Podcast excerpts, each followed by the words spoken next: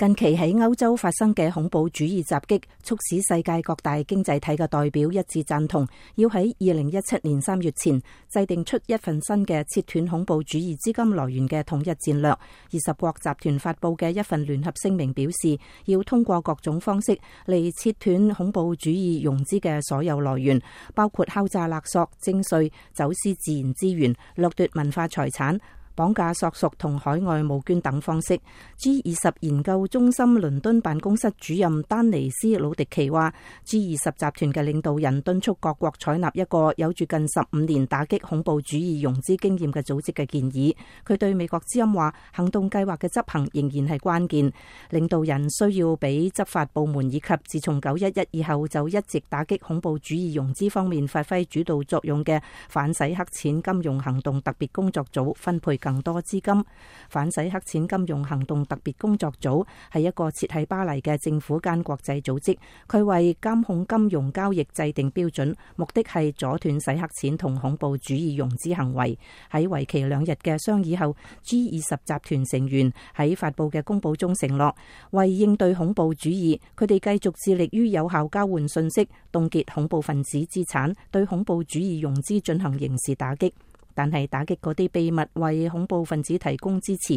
以及由于金融监控不力而允许筹资行为继续落去嘅公司并唔容易。呢个过程中困难重重，好多国家冇采用反洗黑钱金融行动特别工作组制定嘅标准同方法嚟监控非法交易。G 二十集团呼吁所有成员国采用呢个标准，并准备实施系跟住落嚟几个月内颁布嘅一系列细则，嚟自隶属于多伦多大学嘅 G 二十研究中心嘅。鲁迪奇话：各国制定新法规需要时间，而且即使好多国家已经咁样做，但系对法规嘅执行仍然系关键。佢话 G 二十集团令到反洗黑钱金融行动特别工作组承担起大量工作嘅做法系正确。